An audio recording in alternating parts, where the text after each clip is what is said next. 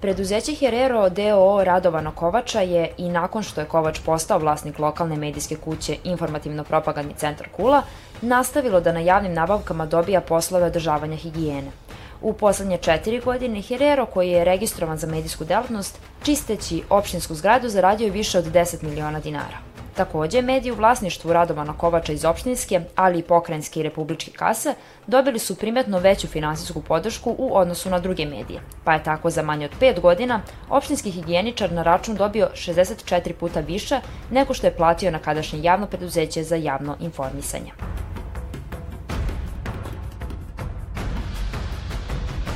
Preduzeće Radovana Kovača su i pre nego što je postao vlasnik jedinog lokalnog medija, ekskluzivno dobila poslove čišćenja opštinske zgrade, a ova praksa je nastavljena i nakon što je kao jedini ponuđač za 3500 evra kupio IPC Kula. Počeo od 2014. godine, Kovačeva preduzeća, prvo Eko Clean, a potom Herero, dobijala su poslove održavanja higijene vredne više od 2 miliona dinara.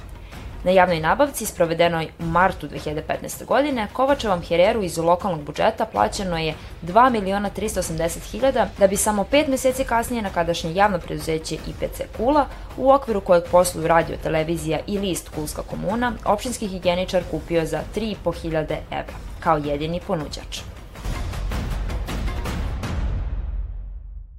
Prema pisanju medija, svoju odluku da sa poslova čišćenja pređe u medije opravdao je željom da poboljša lokalno informisanje, rekavši da mu medijska sfera nije strana jer je sa bratom godinama u poslu sa billboardima.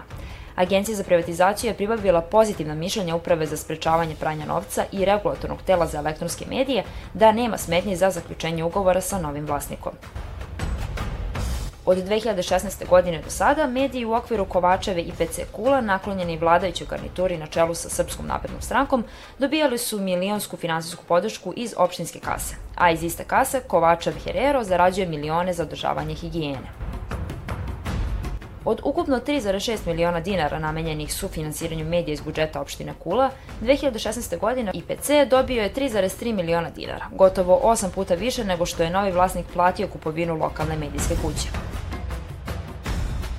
Javne kritike na ovaj konkurs uputila je koalicija novinarskih i medijskih udruženja, pisali su tada mediji. Iste godine Kovačev Hirero je za usluge čišćenja dobio nešto preko 2 miliona dinara, a sprega lokalne vlasti sa glavnim opštinskim higijeničarom i lokalnim medijskim mogulom nastavila se i sledećih godina, pokazuje istraživanje Vojsa uvidom u podatke portala javnih nabavki.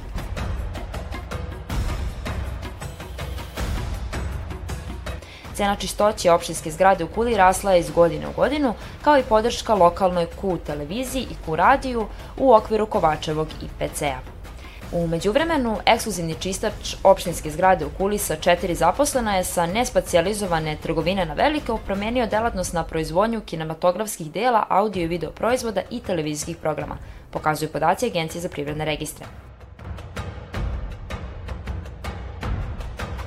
Paralelno, iz opštinskog budžeta za medijske projekte na račun Kovačevog IPC Kula slivali su se iznosi koji čine veći deo kolača namenjenog sufinansiranju medija.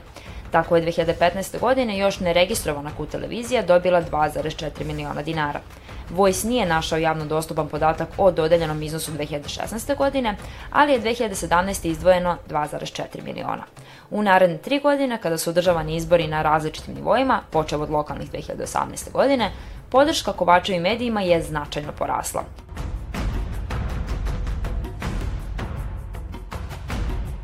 Tako je u godini kada su građani opštine Kula birali nove predstavnike u lokalnoj skupštini, IPC Kula iz opštinske kase dobio 3,7 miliona dinara.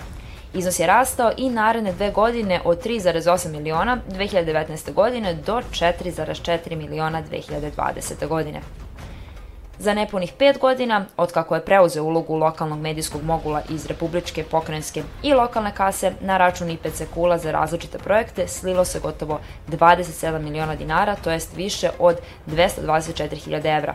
Ovo je 64 puta više nego što je opštinski higijeničar platio za kupovinu nekadašnjeg javnog preduzeća za informisanje.